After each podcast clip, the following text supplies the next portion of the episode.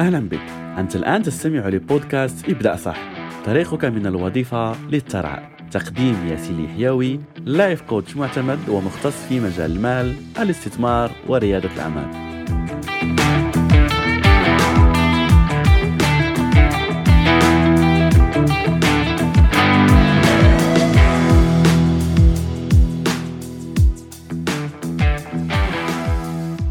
السلام عليكم ورحمة الله وبركاته. أهلا ومرحبا بك من جديد في الحلقة رقم 28 من بودكاست ابدأ صح ولا بالخصوص برنامج الوفرة المالية الذي نقدمه طيلة شهر رمضان الكريم. يعني نحن في الأواخر هذا الشهر فيا رب تقبل منا شهر رمضان يا رب تقبل منا صالح الأعمال في هذا الشهر وأتمنى من كل قلبي على أن يكون هذا البرنامج قدم لك الإفادة اللي وعدتك بها وكذلك تستفيد في الحلقات القادمة. وسيكون يعني عندنا كلام عميق أكثر في الحلقات القادمة إن شاء الله وسنكون عندنا تفاصيل أخرى كما ذكرت في الحلقة الإضافية التي ستكون يعني آه فيديو ولا يكون يعني لقاء مباشر مع بعض إن شاء الله بعد رمضان وكذلك يعني في الحلقات المقبلة بإذن الله. حلقة اليوم سنتكلم عن موضوع خطير جدا جدا جدا.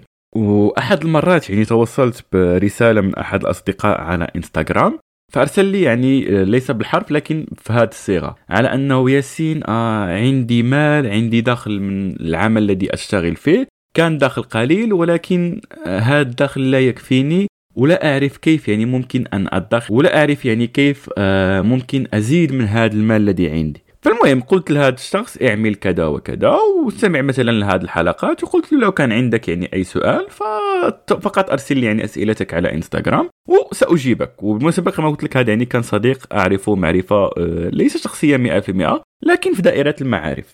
فالمهم بعد يومين من هذه الرسالة كان يعني هذا الشخص عامل story آه، فدخلت له فوجدت هذا الشخص. نفس الذي كان يقول لي على أنه ليس له دخل والدخل الذي عنده لا يكفيه وجدته يعني يصور مطاعم وكان يعني في حفلات في ذلك اليوم يعني في مطعم من بين أغلى المطاعم يعني هنا في باريس وبعدها يعني في سهره إلى غيرها. فبالتالي بدأت أتساءل يعني كيف على أن هذا الشخص يسأل كيف ممكن أن يصل الأهداف المالية وهو يستمر بهذه العقلية بهذه طريقة الإنفاق التي يقوم بها.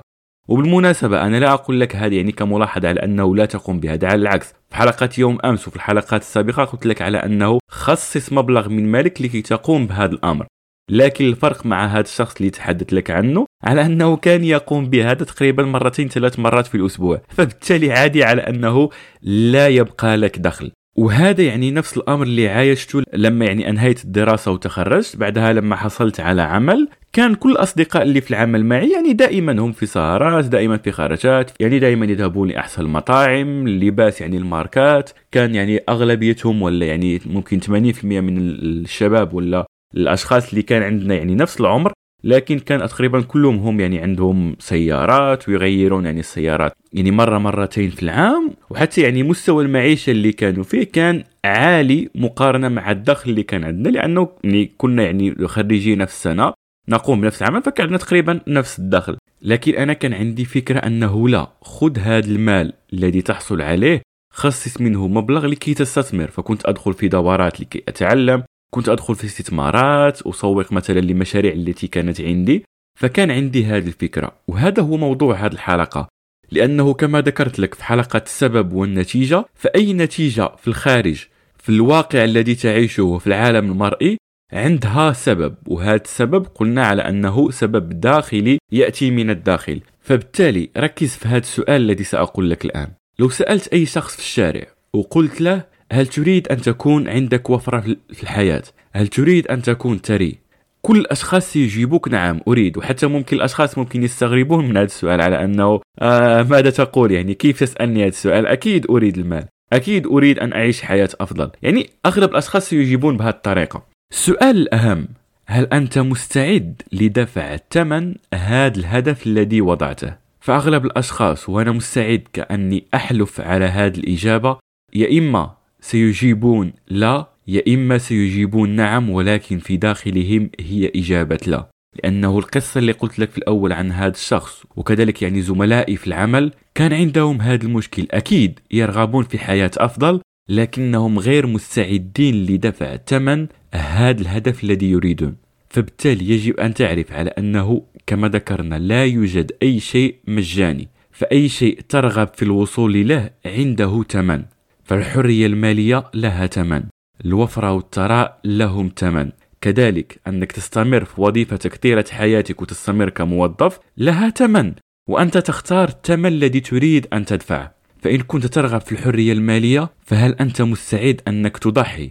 لأنه كن على يقين على أنك ستضحي بالوقت ستضحي بالجهد ستضحي بالمال الذي عندك ستضحي على أنه ممكن لن تجد أي شخص يثق فيك فبالتالي ستضحي بهذه المشاعر وتتحدى هذه الظروف والأوقات الصعبة اللي ممكن تكون فيها وحدك لكي تستمر وتكون واثق في نفسك على أنك ستنجح. لأنه كما ذكرنا الوصول للحرية المالية فعندك العديد من الطرق يا إما من بينها استثمار يا إما أن تنشئ مشاريع خاصة بك. وفي كلا الحالتين يعني ستحتاج لهذه الأمور. ستحتاج أنه يكون عندك صبر على أنك تشوف زملائك ولا الأشخاص اللي في عمرك الآن يعيشون في مستوى وفي ليفل معين في الحياة وعلى أنك ترضى أنك تعيش بمستوى أقل لكي تصبر. كما ذكرنا في الحلقات السابقة تصبر ثلاث خمس سنوات عشر سنوات على حسب المبلغ الذي تدفعه شهريا ولكن تصل لمستويات أفضل وأفضل. فالسؤال هو هل على أنك تترغب بعيش الحياة الرفاهية وحياة المتعة الآن وتبقى تتعذب كل حياتك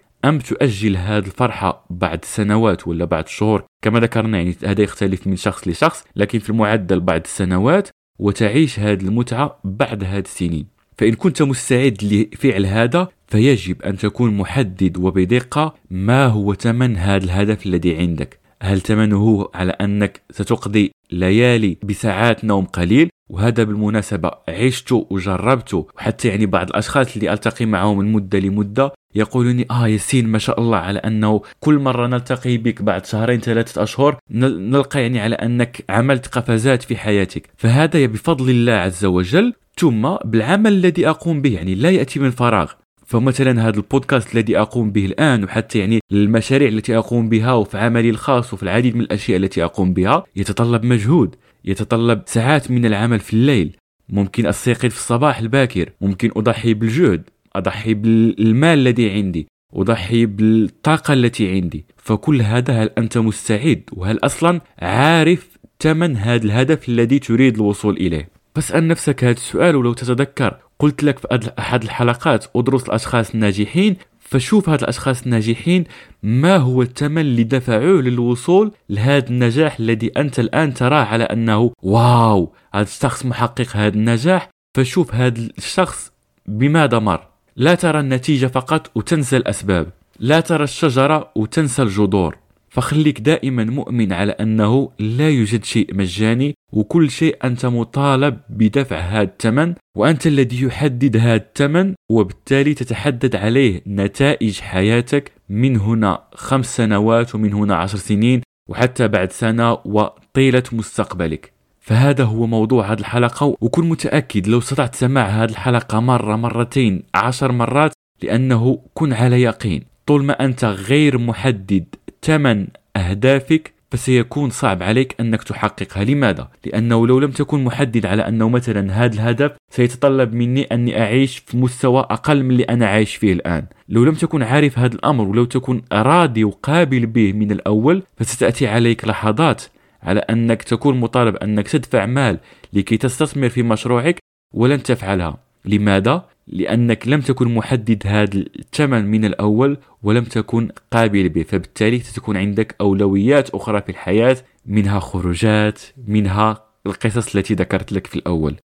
وتذكر على أنه هذه قصة حياتك وأنت الشخص الوحيد الذي يكتب سيناريو هذه الحياة بالتأكيد بأمر من الله عز وجل وباتباع مشيئة الله عز وجل ولكن أنت الذي يحدد النتيجة التي ستعيشها بتحديد الثمن الذي تدفعه الآن. فحدد الثمن صح لكي تكون النتيجة صح مستقبلا. أراك في حلقة الغد إن شاء الله.